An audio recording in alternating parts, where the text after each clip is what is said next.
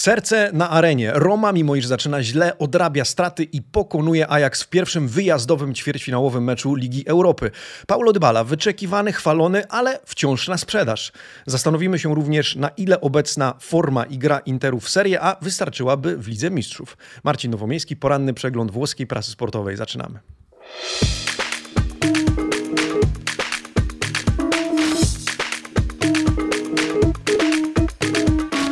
Buongiornissimo, amici sportivi. Piątek, 9 kwietnia 2021 roku rozpoczynamy poranny przegląd prasy. Witam Was bardzo serdecznie. Dzień dobry, drodzy widzowie, drodzy słuchacze, drodzy fani z Facebooka, śledzący nas na Twitterze, wszędzie tam, gdzie nas obserwujecie. Kłaniam się przed Wami w pas w ostatni w tym tygodniu, e, w ostatnim tym tygodniu poranku, e, w którym to przyglądamy się włoskiej prasie sportowej. Ponieważ informacji jest sporo i sporo emocji dzisiaj we włoskich dziennikach, przyjrzyjmy się im bez zbędnej zwłoki, rozpoczynając od okładek. Tutto Sport, Corriere dello Sport, La Gazzetta dello Sport oraz dziennik dziennik Il Romanista. Dzisiaj o Romie, e, dzisiaj o Paulo Dybali, dziś o Interze. Kilka ciekawych tematów z pewnością się znajdzie. E, ja również oczywiście zadałem wam rano pytanie dnia dotyczące Interu. E, wierzę, że odpowiadacie. Widzę już, że odpowiadacie, bo kilkadziesiąt odpowiedzi już się pojawiło. O tym również porozmawiamy. Czy ta gra Interu w Serie A wystarczy w Europie? Zanim to przyjrzyjmy się okładkom z bliska, rozpoczynając od turyńskiego Tutto Sport, na okładce którego widnieje hasło Dybala Guadagnati la Juve. Dybala Dybala, zarób na Juve, zasłuż na Juve. E, no, komentarz, że gol golem, e, występ występem, powrót powrotem, e, ale potrzeba regularności. Paulo Dybala musi zarobić niejako na swój nowy kontrakt, na miejsce w pierwszym składzie, choć wydaje się, że Andrea Pirlo niejako przekonany występem Argentyńczyka, o tym również powiemy. Tak czy inaczej, dzisiaj Tutto Sport na okładce zwraca uwagę, że to nie koniec drogi, to dopiero jej początek, tym bardziej, że Argentyńczyk musi odzyskać formę, którą niegdyś zachwycał kibiców. Oprócz tego hasło Inter lo scudetto vale un miliardo, czyli o tym, jak wygrany tytuł mistrzowski, co jest najbardziej prawdopodobnym scenariuszem, e, podniesie wartość klubów, co bardzo wierzy Jank, jego obecny prezydent. E, mówiliśmy i Corriere dello Sport między innymi pisało o negocjacjach rzekomych sprzedaży Interu, o tych e, rozjazdach w wycenie Interu przez sam klub oraz przez potencjalnych nabywców.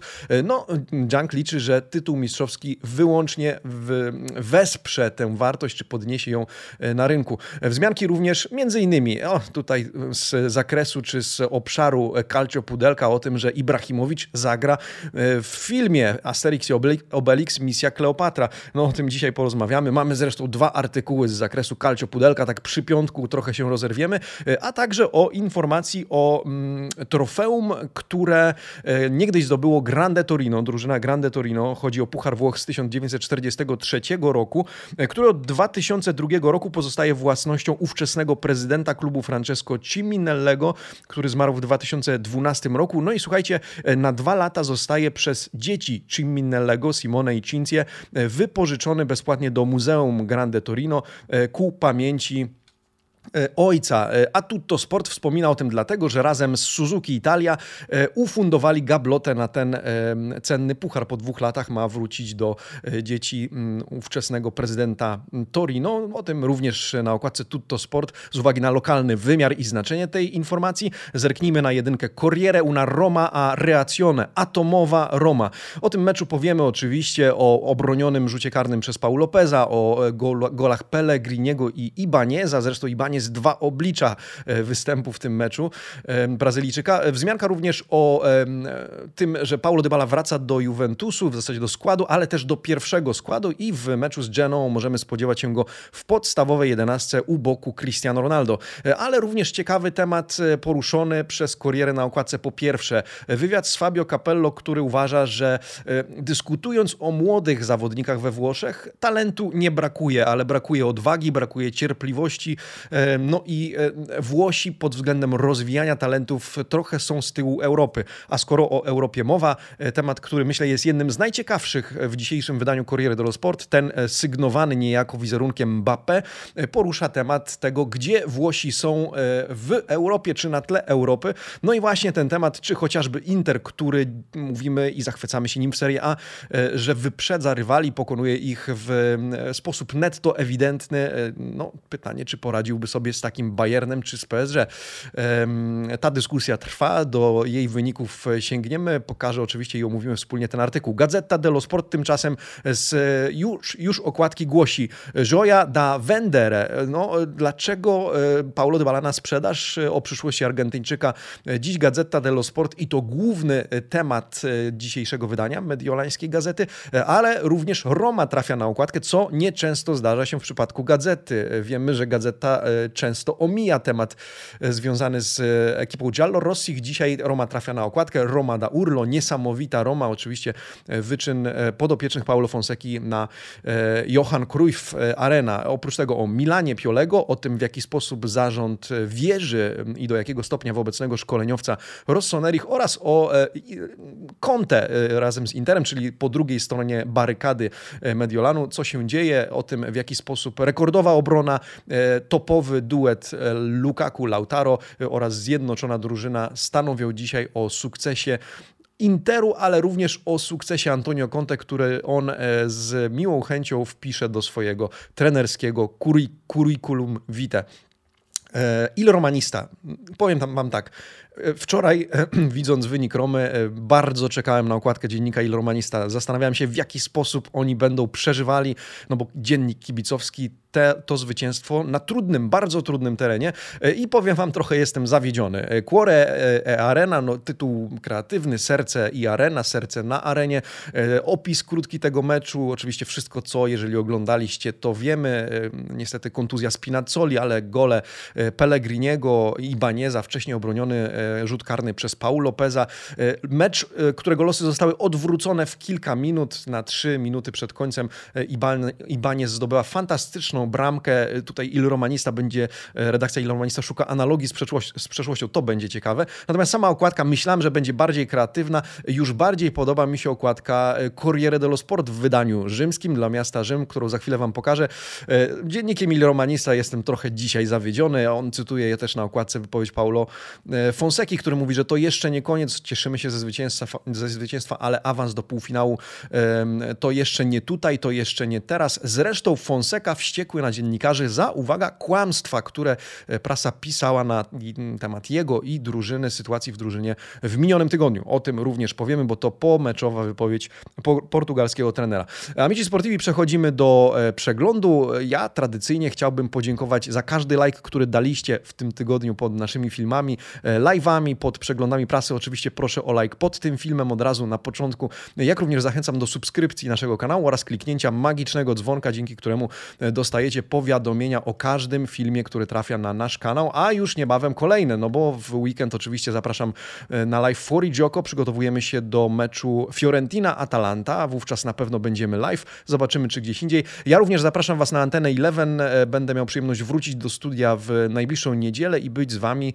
e, przy okazji meczu w Napoli z Sampdoria oraz Romy właśnie z Bolonią. I Romą, słuchajcie amici, zajmijmy się na samym początku, z uwagi na to, że myślę, że warto poświęcić Giallo Rossim uwagę już teraz, y, bo cóż, wywożą świetny rezultat y, z mm, Amsterdamu, mimo że gra no nie, może, może nie była taka świetna, a przynajmniej nie na początku. Wspomniana okładka Corriere dello Sport w wydaniu rzymskim Ro Magnifica. No tu już lepiej, tu już fajniej, fajniejsze zdjęcie, bardziej krzykliwe hasło Magnifica, czyli wspaniała, piękna, nie cudowna, świetna. Y, no trochę taka, takie na wyrost pewnie stwierdzenie, bo nie powiedzielibyśmy, że Roma E, mm, była faktycznie taka niesamowita w całym meczu, ale potrafiła się podnieść. Pokazała serce, oczywiście na okładce o, e, krótko o wydarzeniach tego meczu, no ale najpierw zajrzyjmy mimo wszystko do Gazety dello Sport. Tam mówimy, e, informacje o Giallo Rossich pojawiają się rzadziej.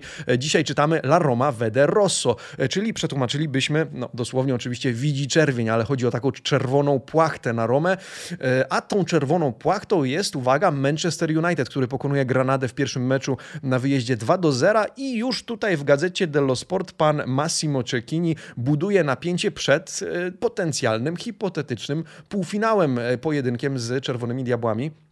No cóż, nie tak dawno emocjonowaliśmy się pojedynkiem Milanu z podopiecznymi Solskiera. Dziś już w prasie czytamy włoskiej, że niedługo to Roma może się z nimi zmierzyć, no i pewnie wówczas znowu spotkamy się na live for Idzioko. Oby, oby. Na razie to pierwszy krok, na co zwraca uwagę oczywiście Paulo Fonseca. W gazecie Dello Sport czytamy kilka ciekawych statystyk. Na przykład, jeżeli chodzi o obroniony rzut karny w Europie, Romie brakowało takiego wydarzenia od 2015 roku. Również Również w 2015 roku po raz ostatni Giallo Rossi zdobyli bramkę bezpośrednio z rzutu wolnego w e, rozgrywkach europejskich, więc pewne historyczne rzeczy tu się działy. Zresztą to nie pierwsza e, rzecz e, czy aspekt, która nawiązuje do historii. Zwróćmy uwagę póki co na statystyki. No, statystyki wskazują, że to jednak Ajax był stroną przeważającą. Ajax przyparł przynajmniej w pierwszej części tego pojedynku Romę do muru.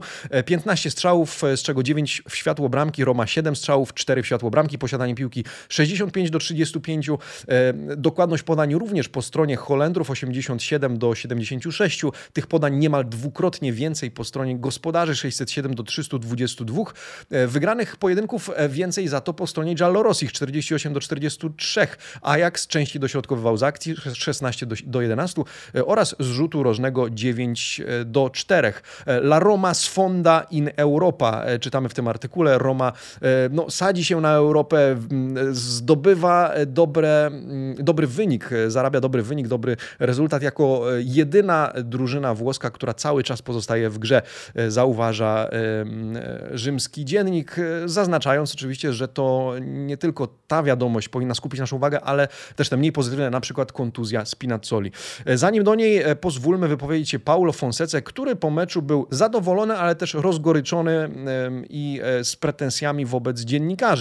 E, cytuję go m.in. dzisiaj e, właśnie dzielnik Il Romanista. Grande Vittoria ma non finita. To jeszcze nie koniec, jeszcze rewanż do rozegrania. Oczywiście wiemy, że Roma może nawet sobie pozwolić na e, drobną przegraną 1 do 0 czy 0 do 1 na Stadio Olimpico i wówczas również awansuje z uwagi na Bramki wyjazdowe, tak czy inaczej, Paulo Fonseca dziękuję swoim, dziękuję Paulo Lopezowi za obroniony rzut karny, no ale mówi, w tygodniu zostało napisanych wiele kłamstw na nasz temat i o ile jestem w stanie przyjąć krytykę, jestem w stanie skupić się na swojej pracy, bo nie jestem w stanie e, z kolei kontrolować całej krytyki fali, która na mnie spływa, spada, to mam pretensje o to, że w momencie, w którym jako jedyna włoska drużyna mamy zmierzyć się w Lidze Europy z tak trudnym przeciwnikiem, to włoska prasa występuje przeciwko nam. Zamiast pomagać sobie wewnętrznie, Włosi Włochom, rodacy rodakom, to wypiszecie takie bzdury. Wypiszecie, że drużyna odwraca się e, przeciwko mnie, wypiszecie, że są jakieś konfrontacje niezdrowe między nami. E, piszecie o Tiago Pinto, piszecie o jakichś konfliktach wewnątrz samej drużyny, między piłkarzami.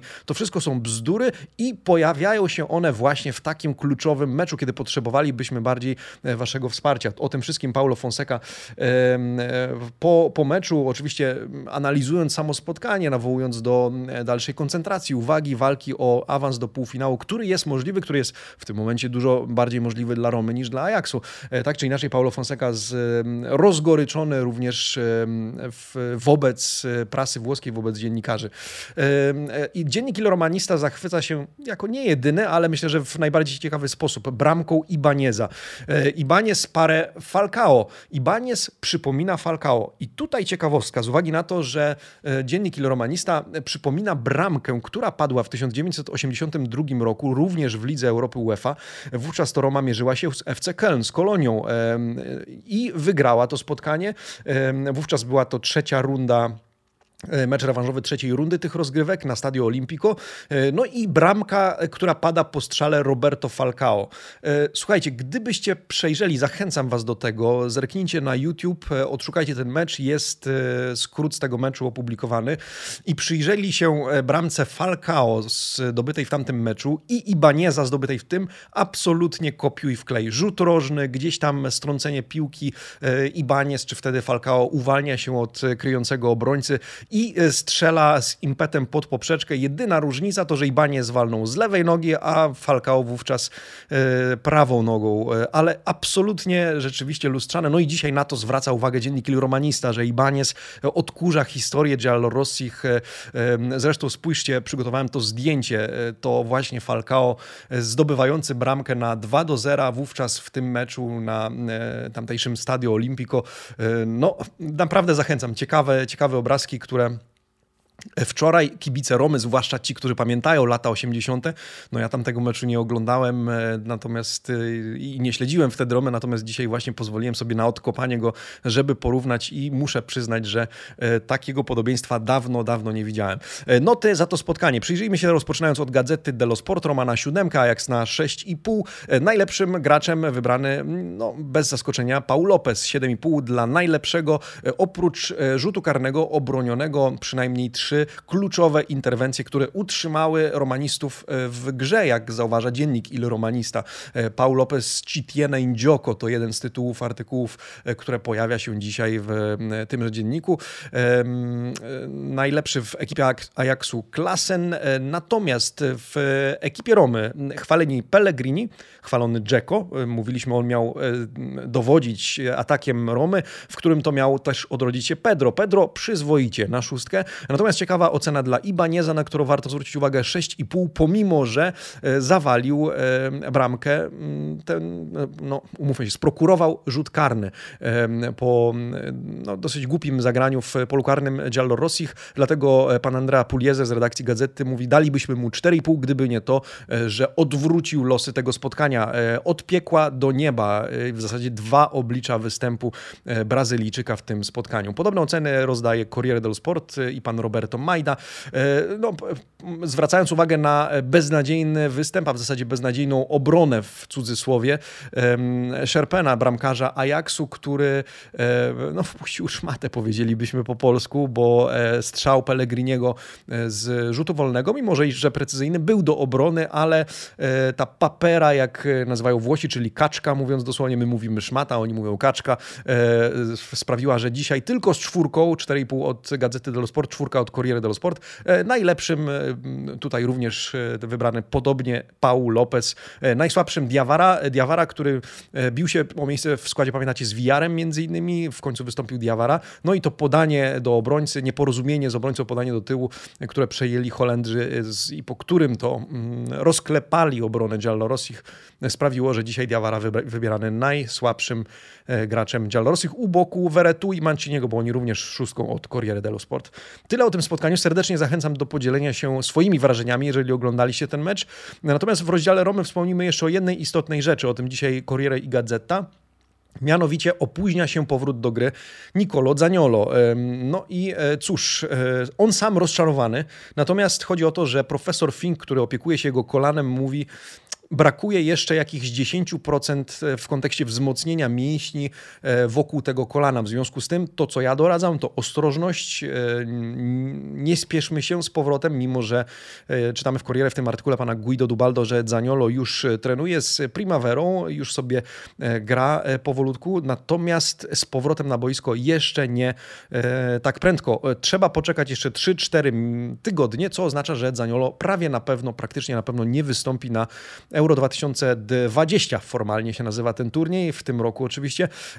Roberto Mancini mówi, dobrze, poczekamy jeszcze chwilę, ale zobaczymy co później, no bo trudno spodziewać się, że jeżeli Zaniolo wróci w końcówce kwietnia w ogóle na boisko i zacznie łapać kondycję, łapać formę, to będzie w stanie na Euro zaprezentować się na wystarczająco dobrym poziomie e, w tej intensywności rozgrywek, więc prawdopodobnie, zresztą on sam przyznaje, będzie musiał skupić się na mundialu e, przyszłorocznym, na mundialu 2020. 2022. Tyle o Romie, amici. E, przejdźmy do e, kolejnych klubów, zaczynając od Juventusu. E, Paulo Dybala to temat numer jeden w, wśród artykułów poświęconych ekipie Bianconeri w dzisiejszej włoskiej prasie. Zobaczcie na tę rozkładówkę Gazety dello Sport, choć po prawej stronie artykuł o Alvaro Moracie, o nim też za chwileczkę. Natomiast Dybala alta tensione, Dybala na wysokie napięcie, czy napięta atmosfera. E, no i czytamy w e, tym artykule e, Quel gol non basta, tam ta bramka to nie wszystko, tam ta bramka nie wystarcza, pisze duet Luca Biankin oraz pa, pani Fabiana Della Valle dziś w piątkowym wydaniu Gazety dello Sport. I scenariusze. W zasadzie z tego artykułu nie dowiadujemy się niczego nowego w kontekście przyszłości Argentyńczyka, czyli to, co już wiemy. Trwają, w zasadzie nie trwają negocjacje, trwały do pewnego punktu. Dybala mówi, nie mam oferty, Andra Anieli mówi, Paulo ma ofertę, która pozwala mu, jeżeli ją zaakceptuje, znaleźć się wśród pierwszej dwudziestki najbogatszych, najlepiej zarabiających się, najlepiej zarabiających, nie najbogatszych e, piłkarzy w Europie. No i cóż, Paratici mówi, będziemy negocjować, spotkamy się, do spotkania nie dochodzi. Paweł Nedved mówi, e, Paulo Dybala niejako, mówiąc na skróty, jest na Mercato, w sensie rozważymy każdą opcję, którą e, przyniesie nam rynek transferowy. No i cóż, do tego dochodzi gol, który strzela Paulo Dybala po powrocie powrocie na boisku. Wyczekiwany, piękny, zachwyty we Włoszech. Co więcej, 99. bramka Paulo Dybali w barwach Juventusu. Więc e, zakładając, że wystąpi faktycznie w podstawowym meczu, w podstawowym składzie na, meczu, na mecz z Genoą, ma szansę trafić po raz setny w biało-czarnych e, barwach. No i cóż, Paulo Dybala, który może albo odejść gratis, jeżeli strony nie dojdą do porozumienia, a Juventus nie znajdzie nowego pracodawcy, e, no albo przejść gdzieś na zasadzie, jak twierdzi duet Y, redaktorów Gazety dello Sport na zasadzie wymiany, y, podobnej jak wymiana Pjanic-Artur. Y, wymiany, która miałaby zapewnić obu klubom, a zwłaszcza Juventusowi, tak zwaną plus Valencę. Co jeszcze? Gazeta zauważa, że George Antun, e, to jest agent e, Paulo Dybali, nie ma dużego doświadczenia w negocjacjach z dużymi klubami. W związku z tym zobaczymy, jak to wszystko, czy faktycznie będzie umiał znaleźć właściwy klub dla swojego klienta, jeżeli ten miałby odejść z Juventusu, co oczywiście jest jednym ze scenariuszy. Odejść może też Alvaro Morata. W tym artykule po prawej stronie, który widzieliście, pan Luka Biankin pisze, chociaż e, cały czas w mocy pozostaje umowa pomiędzy Juventusem a Atletico Madryt, że Juventus może po pierwsze wykupić kupić Moratę e, za 45 milionów euro po zakończeniu tego sezonu, e, albo przedłużyć wypożyczenie za 10 e, kolejnych milionów euro, to Atletico przygotowuje się niejako na przywitanie Alvaro z powrotem, bo nie wiadomo do końca, po pierwsze, jak będzie wyglądał atak Juventusu w przyszłym sezonie, ile pieniędzy będą chcieli poświęcić Bianconeri i wydać na letnim Mercato i czy nie będą mieli innych celów transferowych. Morata, który bardzo dobrze zaczął, który później zgasł, no i który, jak zauważa pan e, Biankin, e, strzelał e, tylko małym drużynom. No, jedynymi wyjątkami są Lazio i Napoli, z którymi to zdobywał bramki Hiszpan. Natomiast w tym artykule o tym, że Juventus do 30 czerwca i tak musi się zdecydować. No i pytanie, którą opcję wybierze, czy wypożyczenie, czy wykup, to jest najmniej prawdopodobny scenariusz, czy też po prostu odda Moratę Atletico. Co wy byście zrobili? Zapraszam do dyskusji. Tymczasem o Dybali, również wracając na chwilę jeszcze do tego tematu, pisze Corriere dello Sport, zestawiając go jednak z nie Alvaro Moratą, a Federico Chiesą. E, po pierwsze, odybali taka sama narracja, to znaczy u progu setnej bramki w barwach Bianconeri Dybala zachwyca, Dybala chwalony, ale wciąż nie wiadomo co z nim i ten artykuł zostawmy, bo tutaj byśmy się powtarzali.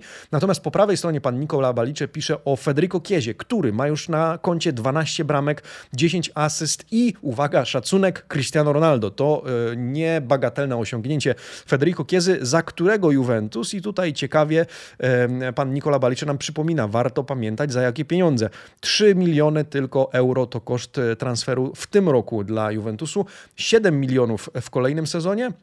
No i wówczas Juventus ma obligo di riscatto, czyli ob obowiązek wykupu Federico Chiesy za 40 milionów plus 10 milionów bonusu e, pod pewnymi warunkami, które praktycznie zostały już spełnione albo prawie zostały spełnione, tak czy inaczej dopiero w trzecim sezonie pobytu Federico Chiesy w Juventusie e, turyński klub poniesie najwyższy koszt, czyli 50 milionów euro. Ale jak zauważa pan Balicze, e, piłkarz jest warty tych pieniędzy, 23-latek zachwyca nie tylko kibiców, ale też chociażby portugalskiego asa, o którym pisze dzisiaj redaktor Corriere dello Sport. E, no i narracja jest tylko jedna. Kieza powinien zostać w Juventusie, ponieważ nawet w kiepskich meczach on pozostaje tym jedynym światełkiem, który rozświetla niejako e, ekipę Andrzej Pirlo. Tyle o Juventusie. Myślę, że te dwa artykuły wystarczą, bo są najbardziej kluczowe, e, choć niewiele dziś o Juventusie w prasie. Zobaczmy, co tam słychać w obozie Milanu. Dziś Gazeta dello Sport skupia się na sylwetce Stefano Piolego, pisząc o o fiduci, czyli zaufaniu, którym cieszy się Stefano Pioli ze strony zarządu Milanu. Ciekawe statystyki przytaczane przez autora tego artykułu. Stefano Pioli właśnie wyprzedził Gennaro Gattuso pod względem liczby meczów rozegranych jako trener danej drużyny. Gennaro Gattuso pożegnał się z Milanem po 547 występach od 27 listopada do 2017 roku do 28 maja 2019 roku. Piąte miejsce to najlepszy wynik Gennaro Gattuso z Milanem. Tymczasem Pioli ma już na koncie 548 spotkań, jest aktualnie, jak wiemy, wiceliderem. No i zobaczymy, jak to dalej pójdzie, bo za chwilę pokażę ciekawy artykuł z Corriere dello Sport. Tak czy inaczej, w tym artykule czytamy, co ciekawe, że co prawda planem minimum Milanu na ten sezon jest oczywiście przyszłoroczna Liga Mistrzów, e, ale Gazidis i fundusz Elliot są zgodni co do tego, że nawet jeżeli Rossonerim nie udałoby się osiągnąć tego celu minimum, to Pioli powinien zostać i zostanie na ławce e, szkoleniowca. E, I słoi meriti, zobaczcie po prawej stronie wyciąłem taką kolumnę, czyli zasługi Piolego to przede wszystkim skuteczna i efektywna praca z młodymi zawodnikami i podniesienie wartości chociażby takich graczy jak Teo Hernandez, Rafael Lao, Po drugie gra. E, to, że Pioli potrafił ułożyć szkielet gry Milanu, e, e, który mimo wszystko nie wyklucza pewnych wariacji, pewnych rotacji związanych na przykład z kontuzjami, COVID-em, jakimiś zmianami, które zmuszały do rotacji Stefano Piolego. Mimo wszystko ten szkielet został nienaruszony. Poza tym znalazł dobre miejsce, właściwe miejsce dla Czalhanoglu, czy chociażby potrafił zestawić Zlatana Ibrahimowicza z młodymi. No i trzecia, trzeci czynnik to styl. Rzadko kiedy kiedy Pioli tracił taką pewność siebie, taki, taki spokój, przekonanie w grze. No i e, cóż, ta pakateca, jak czytamy w gazecie Dello Sport, czyli e, ta zwartość, ta e, powiedzmy kompletność w idei, w pomyśle na grę, grze, na grę Rossoneri, to również jedna z jego zasług i to wszystko składa się w całość, a tą całością jest właśnie zaufanie ze strony zarządu, nawet jeżeli potoczyłoby się bardzo źle i Milan wylądowałby poza pierwszą czwórką. E, czy wyląduje? E, za chwilę o tym porozmawiamy. Wcześniej Kalcio Pudelek. Ibrahimowicz e, w filmie Asterix i Obelix Misja Kleopatra 2022 rok to data premiery tego filmu. No, słuchajcie, co, co powiedzieć o tym wydarzeniu. E, e, Zlatan Ibrahimowicz pochwalił się, że zagra w tym filmie Kasiusza antywirusa, dołącza tym samym Szwed do plejady znanych postaci, którzy wystąpili już w serii z, o Asterixie i Obelixie. Między innymi pan Marco Falizi przypomina, że w 2008 roku w serii Asterix i Obelix na Olimpiadzie zagrali między innymi Zinedine Zidane, zagrał Michael Schumacher, czy chociażby koszykarz Tony Parker. Teraz teraz Zlatan Ibrahimowicz e, wystąpi w e, kolejnym filmie, no więc możecie sobie wyobrazić, w artykule oczywiście przypominane e, Sanremo oraz pan Marco Falizi uspokaja kibiców Rossoneri, że tym razem zdjęcia do tego filmu nie przeszkodzą Zlatanowi Ibrahimowiczowi w żadnym zaangażowaniu w mecze, bo pamiętacie wówczas kontrowersje, zresztą kontrowersje i Zlatan Ibrahimowicz to ostatnio para i synonim. Pamiętacie wczorajszy przegląd prasy, jeżeli nie, to zapraszam do przesłuchania słuchania lub obejrzenia Zlatan Ibrahimowicz e, i kontra e, obrońcy praw zwierząt. E, tymczasem Corriere dello Sport, bo zamknijmy na chwilę gazetę i poszukajmy artykułów Corriere dello Sport na temat Milanu, zwraca uwagę na jedną rzecz i tutaj cofnijmy się do tematu Stefano Piolego i tej walki o Ligę Mistrzów. Czy to pewne, czy niepewne? Corriere dello Sport i pan Franco Ordine zauważa, Milan teraz musi mieć się na baczności z uwagi na to, że na karku czuje oddech drużyn walczących o Ligę Mistrzów już bardzo wyraźnie. Deve Guardarsi Lespalle musi oglądać się za siebie. E, zerknąłem e, na tabelę, tak żeby odświeżyć sobie i Wam przy okazji e, aktualnej obraz. Słuchajcie, Inter zostawiamy, tu wiadomo, Inter odjeżdża Milanowi na 11 punktów, ale Milan ma na koncie aktualnie 60 punktów, zanim Juventus 59 punktów, Dalej, Atalanta 58, Napoli 56, więc to wszystko jeszcze nie jest rozstrzygnięte, tu jest bardzo ciasno. No i na to zwraca uwagę pan Franco Ordine, zwracając też, e, skupiając się na tak zwanym ralentamento, czyli tym zwolnieniu tempa przez Milan. E, no i pytanie, czy Rossoneri faktycznie trafią do pierwszej czwórki.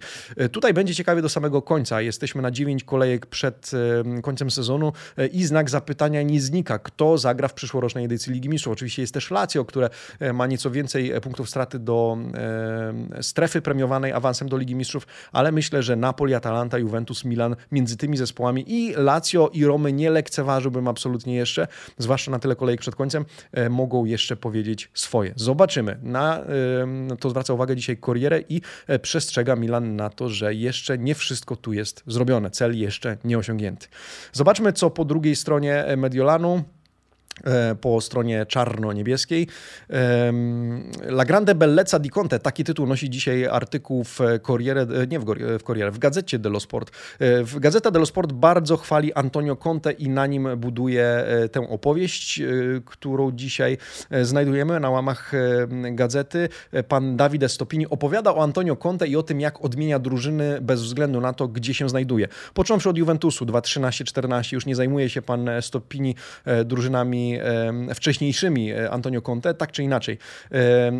Czy to Juventus, czy Nazionale, czyli reprezentacja Włoch, czy Chelsea, czy dzisiaj Inter, e, Antonio Conte pokazuje, że umie grać ładnie, choć ostatnio tej ładności, tej bellecy chyba mu trochę brakuje, e, ale umie też grać skutecznie. Wszędzie zostawia swoje piętno, odciska swój znak i dzisiaj w Interze obserwujemy, no bo duet Lukaku-Lautaro, drugi najlepszy duet napastników w Europie, obrona, w ogóle szatnia i duch w drużynie Dzisiaj Inter wygrywa dzięki manualnym niejako umiejętnościom sterowania Antonio Conte, jak pisze e, pan Stoppini co zdarzało się już w Juventusie, co zdarzało się w drużynie The Blues, e, no i wymienia w kilku e, akapitach pan e, Stopini, mm, co, o czym my tu mówimy, na przykład obrona, że w Interze Antonio Conte odnalazł swoje, w cudzysłowie BBC, choć dzisiaj tworzą je Skriniar, De Frey i Bastoni, więc pewnie ten skrót byłby, wyglądałby inaczej. Poza tym gra wertykalna, wertykalna, czyli mówimy ta prostopadłe, szybkie podanie, dynamiczne po ziemi, passaggi ed gol, e, trzy podania i bramka, czyli to w jaki sposób, e, począwszy od Barelli, Lukaku, Hakimiego, e, Lautaro, Conte potrafi zagrać szybką piłkę i szybko zdobyć bramkę. Harmonia, czyli to ta atmosfera w szatni, czy chociażby Il Nuovo, Renio, to ostatni akapit w tym artykule, czyli nowe królestwo, obalona hegemonia Juventusu, która coraz bliżej, no i w tym momencie Antonio Conte zestawiany, dzisiejszy Antonio Conte z tym, który przyszedł do Juventusu Juventusu i również e, e, zaprowadził Il Nuovo Renio, Nowe Królestwo. Wówczas to rozpoczął cykl 9 lat sukcesów Juventusu. Chwali go, e, no i tutaj przypomnijmy sobie sympatyczną sylwetkę Giaccheriniego, Emanuele Giaccherini, dzisiaj 35-letni Włoch, niegdyś prawa ręka, można by powiedzieć, Antonio Conte, jeden z jego ulubionych e, zawodników, talizmano, jak pisze dzisiaj pan Filippo Conticello, udzielił wywiadu w gazecie dello Sport, w którym to wypowiedział się o kilku rzeczach. Po pierwsze, zapytany, e, drogi Giaccherini, to jak, e, wynik czy piękna gra?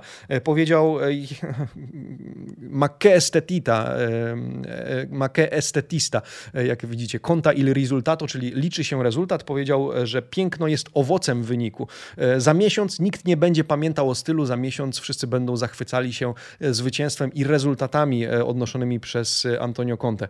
Mówi, te 30% posiadania w piłki w meczu z Sassuolo mm, nie ma znaczenia. Istotne jest to, że Nerazzurri zarobili 3 punkty. No i chwali w tym wywiadzie Antonio Conte, mówi, że faktycznie odciska piętno bez względu na to, gdzie idzie, że widać tą jego mentalność, gdziekolwiek pójdzie, że jest mentorem drużyny i był jego mentorem, bo nawet po jego debiucie na Juventus, jeszcze wówczas Stadium, w którym to Juventus wygrywał 4 do 0, ale Giaccherini grał kiepsko i taką miał podkopaną pewność w siebie. Antonio Conte powiedział: Spokojnie, chłopie, ty jeszcze dasz radę, wierzę w ciebie, na pewno e, jesteś w stanie grać e, lepiej. E, został też zapytany o to, kto w jego opinii jest dzisiejszym Giaccerinim drużyny Antonio Conte. Wskazał na Nicolo Barelle. Mm, to o Giaccerinim Natomiast e, dzisiaj ogólnie sporo pochwał pod adresem e, Interu, na przykład w gazecie i e, w Corriere, jak widzicie, możemy znaleźć artykuły o Lautaro, Martinezie oraz duecie Piubella, czyli La Copia Piubella, czyli Lukaku i Lautaro. W ogóle Lautaro opisany dzisiaj w gazecie dello Sport przez pana Oliviero jako tutto fare, czyli taka złota rączka, piłkarz, który nie tylko zdobywa bramki, ale też broni. No i to zdjęcie jest nieprzypadkowe. 73 piłki odzyskane w tym sezonie w 29 występach w lidze Argentyńczyka średnio 2,52 na mecz. To niezła, jak na napastnika statystyka, niezła średnia. Poza tym 24 przechwycone piłki, przerwane ataki rywala w Serie A. Oprócz tego 8 bezpośrednich pojedynków 1 na 1 wygranych. No i zobaczcie, w jaki sposób wygląda hitmap. To key persona, to, ten, to, to niższe boisko na tym wycinku. Owszem, w polu karnym tak, ale zobaczcie, że czasami porusza się często e, nawet przy, e, na wysokości połowy boiska. E, no i po prawej stronie oczywiście artykuł pana Andrei Ramazzottiego o tym, że la copia Piubella vale mezzo scudetto, ponieważ, czyli warta jest połowę scudetto, ta kopia, ten duet, ponieważ Lukaku i Lautaro zdobyli 52% wszystkich goli strzelonych przez Inter. Wczoraj pamiętacie statystykę Cristiano Ronaldo 43% bramek Juventusu. Tak czy inaczej, wszystko ładnie, pięknie. Antonio Conte, duet, obrona, szatnia i tak dalej dalej. Natomiast trochę e, otrzeźwia nas w tym wszystkim pan Alberto Polverosi z Corriere dello Sport. I tu dochodzimy do pytania dnia, e, bo w Corriere znajdujemy ten artykuł. Il contismo stravince czyli Contismo, styl Antonio Conte, e, wygrywa zdecydowanie, ale w Serie A ma l'Europa, kiedy più, w Europie potrzeba więcej. E, artykuł zbudowany na narracji, którą trochę podsunęła nam e, ostatnia środa. To znaczy, oglądamy, no dobrze, zostawmy Juventus Napoli, oglądamy Inter Sassuolo, po czym przełączamy kanał i oglądamy mecz Bayernu z PSG. I pan Alberto Polverosi mówi, czy Inter, który oglądaliśmy w meczu z Sassuolo, który owszem wygrał minimalnym nakładem sił i chwała mu za to, że potrafił w cyniczny sposób rozpracować Sassuolo e, i wywieźć z Reggio Emilia, no, no jakie Reggio Emilia, oczywiście mecz był na Giuseppe Mazza, wywalczyć e, komplet punktów, e, ale wyobraźcie sobie, że ten Inter stawiamy naprzeciwko takiego Bayernu, który owszem przegrał, ale prezentował zupełnie inną dynamikę. Pan Alberto Polverosi mówi, no nie, Inter zostałby rozjechany przez Bawarczyków, w związku z tym my możemy zachwycać się Interem w Serie A, e, ale ten Inter nie poradziłby sobie w Europie, ponieważ brakuje tego l'ultimo passaggio, ale nie chodzi o ostatnie podanie stricte, dosłownie na boisku, a tego ostatniego wejścia na wyższy poziom, e, który prezentują inne drużyny w Europie. Chociażby Bayern, który dominuje w lidze i być może tam, na pewno tam wygląda ta sytuacja i proporcje w e, klasie zespołów inaczej, ale w Lidze Mistrzów potrafi sobie radzić bardzo dobrze. Oczywiście teraz jest dalej e, awansu do e, półfinału, no ale jeszcze nie wszystko stracone i Bayern, który wygrał praktycznie wszystko w poprzednim sezonie. E, no i taka dywagacja, która jeszcze nie tak dawno dotyczyła Juventusu, choć tutaj pan Alberto Polverosi mówi, że Juventus potrafił się zmienić na Ligę Mistrzów, potrafił się zmotywować, tak jak na Atletico Madryt i tak dalej, i tak dalej. Więc pan Alberto Polverosi dużo bardziej, myślę, krytycznie do Interu podchodzi. Tak czy inaczej, słuchajcie, pytanie brzmi, na ile obecna forma i gra Interu w Serie A wystarczyła byłaby w przyszłorocznej Lidze Mistrzów? Takie pytanie zadałem, kilkadziesiąt głosów już oddanych i to prawda, zgadzam się z Szymonem, który skomentował to pytanie, że to zależy od przeciwników, przecież każdy kolejny etap Ligi Mistrzów e, to nie jakiś określony poziom trudności, można trafić lepiej lub gorzej, absolutnie tak. No i jeszcze drugi komentarz. E, Patryk Ciechanowski. Włosi pewnie mają pięć cech Antonio Conte dających sukces w Lidze Mistrzów. No, e, jesteś blisko, jesteś blisko. Tak czy inaczej, spójrzmy na to, jak odpowiadaliście. Najwięcej z Was, czyli 38%, uważa, że w obecnej formie Inter dotarłby do jednej ósmej finału i na tym etapie by odpadł. Następnie 28% z Was uważa, że tylko na fazę grupową wystarczyłaby obecna forma Nerat Zurich. 27% Was wierzy w ćwierćfinał, 5% w jedną, drugą E, finału, czyli w półfinał, e, a 3% z Was e, wierzy w to, że Inter obecną formą zasłużyłby na grę w finale lub nawet na zwycięstwo w Lidze Mistrzów. Zapraszam oczywiście również do komentowania pod tym przeglądem prasy. Porozmawiajmy. No dzisiaj pan Polverosi zadaje nam taki temat, który dotyczy ogólnie, myślę, drużyn włoskich, bo o Atalancie też przecież rozmawialiśmy w tym kontekście, przy czym o Atalancie mówiło się i mówi, że jest najlepszą w, spośród wszystkich drużyn we Włoszech przygotowaną przygotowaną do gry, czy dostosowaną do gry w stylu europejskim. No dobrze, kończąc temat Interu, słuchajcie, pokuśmy się o odrobinę calcio pudelka. Dzisiaj pan Filippo Conticello skupia się na Ashrafie Hakimim i Lautaro Martinezie w tym właśnie artykule. Czegoż to dowiadujemy się i bez jakich informacji dzisiaj żyć byśmy nie mogli. Słuchajcie, Latin Trap, taki styl muzyczny, którego no, do tej pory nie znałem, wybaczcie, ale raper Anuel AA, jeżeli źle przeczytałem, to też wybaczcie, nie słucham tego człowieka, ale słuchają go e, właśnie ci panowie Lautaro i Hakimi, którzy zatańczyli w jego stylu podczas ostatniego meczu z Sassuolo. No i proszę, pan Conticello stwierdził, że warto o tym napisać, ale to nie wszystko.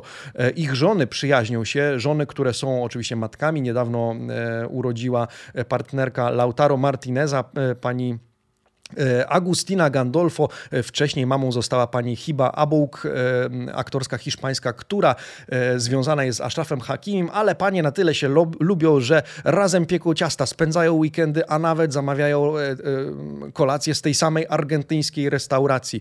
Także jak widzicie, paczka niesamowita, paczka, która spędza ze sobą czas, no i wszystko pięknie, ładnie, już wiemy, co tam się dzieje. No i bez tej informacji umawiamy się, ten przegląd prasy nie mógłby istnieć istnieć i nie utrzymałby się na nogach. E, przejdźmy dalej, ale pozostańmy w Lombardii. Atalanta. Dzisiaj dwa artykuły dotyczące Atalanty. Dzisiaj pan Andrea Elefante w gazecie dello Sport pisze o Pessinie, któremu wczoraj życzyliśmy zdrowia, bo przypominamy, COVID dopadł e, Pessinę. E, Matteo Pessina, 23-latek, niezbędny dla obecnej drużyny Gian Piero Gasperiniego, pisze pan Andrea Elefante. Można go nie lubić, można go lubić, można doceniać, można nie, ale kontrakt do 2024 roku ważny. No i Pessina uważany za zastępcę, bo nie wiem czy następcę, e, Papu Lopeza e, w różnych ustawieniach, ale Gianpiero Gasperini angażował go e, w 17 na 22 mecze, w takiej liczbie meczów wystąpił. No i dzisiaj mowa o tym, że wypada ze składu i Gasperini ma problem. W związku z tym, zdaniem pana Andrea, Andrei Elefantego, który trochę nam już nas przygotowuje do pojedynku Atalanty z Fiorentiną, Gasperini ma postawić na Pasalicza. Oprócz tego do drużyny drużyny wrócił i trenuje już z nią Muriel e, i jest gotowy do gry w niedzielę 20.45. Ja przypominam, że jesteśmy wówczas z Wami na live for Joko będzie obecny m.in. Marcin Jerzyk z Klapa Misi del Atalanta, e, Polonia, bo bez Marcina mecze Atalanty e, inaczej się jednak komentuje, więc zapraszamy Marcina do siebie i zapraszamy też Was do uczestnictwa w tej rozmowie, w tej dyskusji na żywo, w przerwie i po zakończeniu tego meczu. Pan Andrea Ramazzotti w Corriere dello Sport z kolei publikuje wywiad z Romero, E, słuchajcie, Cristian Romero, e, który e, jest jeszcze formalnie własnością Juventusu, ale prawdopodobnie nie wróci do ekipy Bianconerich, wypowiada się bardzo ciepłym tonie o Atalancie, wypowiada się dobrze o Gasperinim, mówi, wypowiedział się na temat formy Atalanty, no bo Atalanta wygrała 7 na 8 ostatnich spotkań, jest w gazie, no i wypowiada się też na temat tego niedzielnego pojedynku z Fiorentiną. E, Viola nie zasługuje na to, żeby być tak nisko w tabeli, e, mówi Cristian Romero. E, poza tym sam był blisko Fiorentiny. Fiorentiny przyznał, że jego agent negocjował nawet warunki kontraktu, warunki transferu, ponieważ interesowało się nim wówczas wiele klubów. Natomiast dla niego Atalanta zawsze była pierwszym wyborem i chce w niej zostać nie tylko ze względu na Gasperiniego, którego zna jeszcze z czasów Genoi, którego nauczył się niejako w ciągu dwóch lat spędzonych w tamtym mieście, ale też ze względu na Ligę Mistrzów i na ambicje, jakie mają Neroblu e, w, na przyszłość. No i cóż, e, finał Coppa Italia to oczywiście temat, który padł w tym wywiadzie. Powiedział, to mój pierwszy, to będzie mój pierwszy finał e, wśród profesjonalistów i chcę go wygrać, chcę świętować z Atalantą sukces w tym turnieju.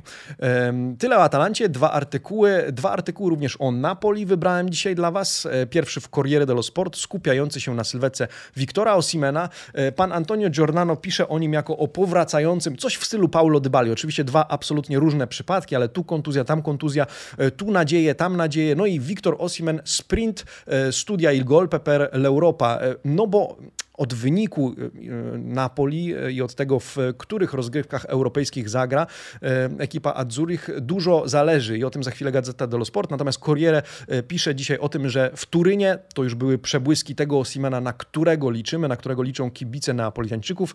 No i zobaczymy, jak pójdzie dalej, z uwagi na to, że był najjaśniejszą stroną, najjaśniejszym, najjaśniejszą postacią w ekipie Gennaro Gattuso, choć oczywiście chwalony Insigne, chwalony Piotr Zieliński, ale Osimen również e, dał dobrą zmianę w drugiej połowie i e, błyszczał na pewno bardziej niż e, chociażby Dries Mertens. Natomiast wracając do tych losów Napoli w Europie, dzisiaj pan Mimo Malfitano pisze znowu o tych 50 milionach, znowu o dwóch ścieżkach. To jest kopiuj i wklej narracji, którą już Gazeta dello Sport niegdyś nie tak dawno publikowała, czyli w jaki sposób potoczą się losy Azzurrich. Jeżeli awansują do Ligi Mistrzów, to kolumna po lewej stronie, wówczas Sarri, wówczas przedłużenie kontraktu z Insigne z zachowaniem obecnej wysokości jego pensji. Wówczas to transfery no, z wyższej półki, wymienianie m.in. Junior Firpo z Barcelony, Perszurs, czyli z Ajaxu, czyli wzmocnienie defensywy. No a jeżeli Liga Europy, to już nie będzie un progetto top, to już będzie co najwyżej Juric, ewentualnie Italiano, choć oni również wymieniani w tej lewej kolumnie, ale jako alternatywę, bo tam widzicie Mauricio Sarriego jako kandydata numer jeden. No a e, transfery w przypadku Ligi Europy to po pierwsze pożegnanie z Kulibalim, z Fabianem Ruizem, e, trener to Juric, e, transfery to m.in. Zaccani czy Demarco. Powiedzmy już schodzimy nieco niżej. Poza tym do Chelsea ma wrócić chociażby Bakayoko, który nie sprawił się. Myślę, że on wróci bez względu na to, czy Liga Mistrzów, czy Liga Europy. Ale oczywiście artykuł o tym samym, o czym niedawno czytaliśmy, czyli jak dużo zależy od wyniku ostatecznego i to nie już w kontekście nawet współpracy z Gennaro Gattuso, ale w kontekście tego, na ile będzie mógł sobie pozwolić Aurelio De Laurentiis latem tego roku. E, na koniec zajmiemy się e, krótko e, dwiema drużynami z mniejszej, powiedzmy z tej średniej półki. Po pierwsze Bolonia, pozytywny artykuł pana Giorgio Burredu w Corriere dello Sport. Skorupski wraca do treningów. Od dzisiaj, wszystko ok, już jest w pełni zdrowy, tampone negativo, wynik e, negatywny e, testów na obecność koronawirusa, więc polski bramkarz wraca e, do decyzji Syniszy Michalowicza oczywiście, czy zagra z Romą w niedzielę, ale wiele na to wskazuje, że to właśnie Polaka zobaczymy między słupkami bramki Bolonii. Znak zapytania jeszcze pod nazwiskiem, czy przy nazwisku Tomiasu. Na razie echografia nie wykazała żadnych bardziej poważnych uszczerbków w organizmie. Chodzi oczywiście o mięśnie, kontuzje, ale nie wiadomo, czy będzie będzie w stanie zagrać już w ten weekend. E, no i cóż, o przygotowaniach do tego pojedynku z Romą, e, czyli Skorupski mierzy się swoją byłą drużyną. Ja przypominam, zapraszam do e, Eleven, gdzie będziemy rozmawiali o tym meczu już w studiu przedmeczowym razem między innymi z Mikołajem Krukiem. Mm, w gazecie Dello Sport z kolei znajdziemy artykuł pana Filippo Grimaldiego o Sampdori i tutaj ciekawa sprawa. Jeszcze wczoraj czy przedwczoraj dyskutowaliśmy o tym, że Quagliarella i Ranieri to dwaj, którzy pozostaną w Sampdori z uwagi na to, że plan minimum i cele osiągnięte, e, a dzisiaj czytamy w tym artykule, że to Ranieri może chcieć pożegnać się z Sampdorią i podobno już uprzedził zarząd, e, że e, o tym, że odejdzie tego lata. Jego kontrakt wygasa w czerwcu tego roku, przybył do drużyny z Genui w październiku 2019 roku. No i tutaj o tym, że dojrzał już do tej decyzji, że opuści, żeby opuścić Sampdorię i to ma być jego decyzja. Ciekawostka. A z ciekawostek na sam koniec dwa ostatnie artykuły artykuły już poza drużynowe. Pierwszy w gazecie dello Sport pan Francesco Vellucci chyba trochę się pospiesza, e, bo e, funduje nam artykuł Kia deluso di più, czyli kto najbardziej zawiódł. E, wydaje mi się, że taki artykuł powinien pojawić się raczej na koniec sezonu. My pokusimy się o podsumowanie sezonu oczywiście na live. Chcemy wrócić też do przewidywań naszych prognoz sprzed rozpoczęcia tego sezonu. No ale tutaj widzicie, już pan Vellucci pisze o Kaliniczu, Strakoszy, Mandzukiczu, Ingleze, Kolarowie, E, Rachmanim, Bernardeskim, Pedro, Laguminie, e, nie wiem, Jago Falke, e, Medelu i tak dalej, i tak dalej. Pisze o tym, że może nie nazwałby ich flopem, czyli taką wtopą totalną, ale to są ci, od których oczekiwalibyśmy w tym sezonie więcej. I to myślę będzie jeden z rozdziałów naszej dyskusji na live, na który Was zaprosimy. Po zakończeniu sezonu podsumujemy sobie pod każdym względem to, co oglądaliśmy w tym roku na boiskach Serie A. I na zupełny koniec, słuchajcie, w gazecie dello Sport czytamy o przyszłości niedalekiej być może, e, o Tecno Fuorigioko. No i Fuorigioko nie w sensie naszego live'u Fuorigioko, przypominam, zapraszam Atalanta, Fiorentina Atalanta. E, natomiast e, Fuorigioko, czyli system najpierw półautomatyczny, a później w pełni automatyczny, być może od 2023 roku, sygnalizowania spalonego. Podobnie jak mamy technologię VAR, mamy Goal Line, no to słuchajcie, już teraz na mundialu być może będzie wprowadzony tak zwany Fuorigioko Automatico, e, a w zasadzie Najpierw półautomatyczny, później w pełni automatyczny, e, polegający na tym, że sędzia boczny ma dostać e, sygnał, jak widzicie na ręku, tak jak sędzia główny o tym, czy padła bramka, to system ma rozpoznać, czy zawodnik znajdował się na pozycji spalonej. Na początku półautomatyczny, czyli to ma być wspierane przez zespół ludzi, żywych ludzi, którzy mają podobnie jak VAR wspierać sędziego bocznego w tej decyzji, a później pół, w pełna automatyka czyli sygnał i oczywiście ostateczna decyzja będzie należała do sędziego e, liniowego. Natomiast e, mowa też o nowym Fuori nowym spalonym, który ma polegać na tym, że e, od 2023, jeżeli te dyskusje przejdą, spalony miałby polegać na tym, że jeżeli jakaś część ciała ofensywnego gracza znajduje się w linii z ostatnim obrońcą, to nie ma spalonego, to piłkarz jest w grze, więc wyeliminowałoby to dyskusję o, na pewno o tych centymetrowych spalonych, ale nawet jeżeli gdzieś tam powiedzmy resztka mnie zostaje w linii z obrońców przeciwnika, to nadal pozostaje w grze. Musiałbym być zupełnie oderwany od ostatniego obrońcy, by znajdować się na pozycji spalonej.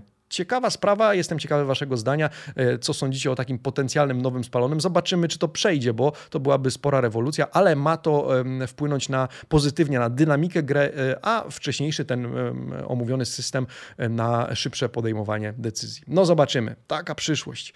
A przyszłość nasza jest taka, że weekend, ja Wam bardzo, bardzo dziękuję za ten tydzień.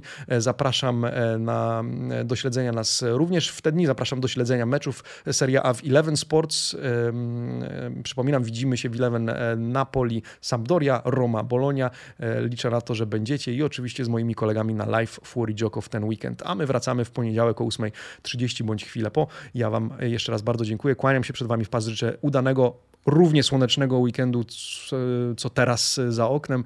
E, I cóż, buona giornata, buon weekend, amici sportivi. Grazie, ciao.